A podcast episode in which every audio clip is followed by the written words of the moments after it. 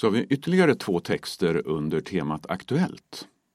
Därför P-förbud nära stationer. Lotta Mattsson, trafikingenjör på Huddinge kommun, svarar på vanliga frågor om P-avgifter och P-förbud som införts på försök i stationsnära områden i centrala Huddinge och Stuvsta. P-avgifterna utvärderas löpande under den ettåriga försöksperioden. De två första parkeringstimmarna är ju gratis, men varför kan jag inte använda p-skiva? För vissa kan det verka krångligt att registrera sin parkering i parkeringsautomaten eller med mobiltelefonen, men det finns flera fördelar. Om du använder mobiltelefonen kan du enkelt förlänga din parkering var du än befinner dig. Parkeringsövervakningen blir också mer effektiv och genom att all parkering registreras digitalt kan vi samla statistik. Statistiken gör det möjligt för oss att utvärdera försöket. Varför har vissa gator fått parkeringsförbud? Det handlar om trafiksäkerhet och tillgänglighet.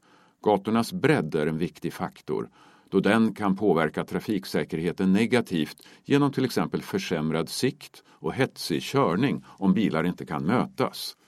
Eftersom många gator i framförallt Stuvsta är smala villagator med bland annat varierad topografi och växtlighet som skymmer sikten så är möjligheten att skapa parkeringsplatser begränsad. Hur vet jag att det är parkeringsförbud? Delar av centrala Huddinges avgiftsområde och hela avgiftsområdet i Stuvsta är skyltat som parkeringsförbudsområde. Skyltarna är uppsatta vid varje infart. Inom parkeringsförbudsområden är det endast tillåtet att parkera på platser med vägmärket Parkering tillåten.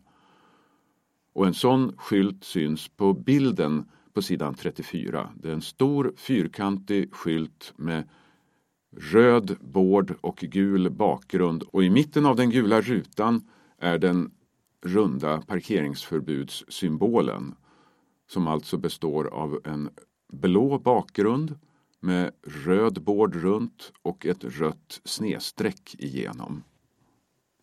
Fotnot. Mer info om parkeringsavgifterna finns på huddinge.se snedstreck forsok parkeringsavgifter.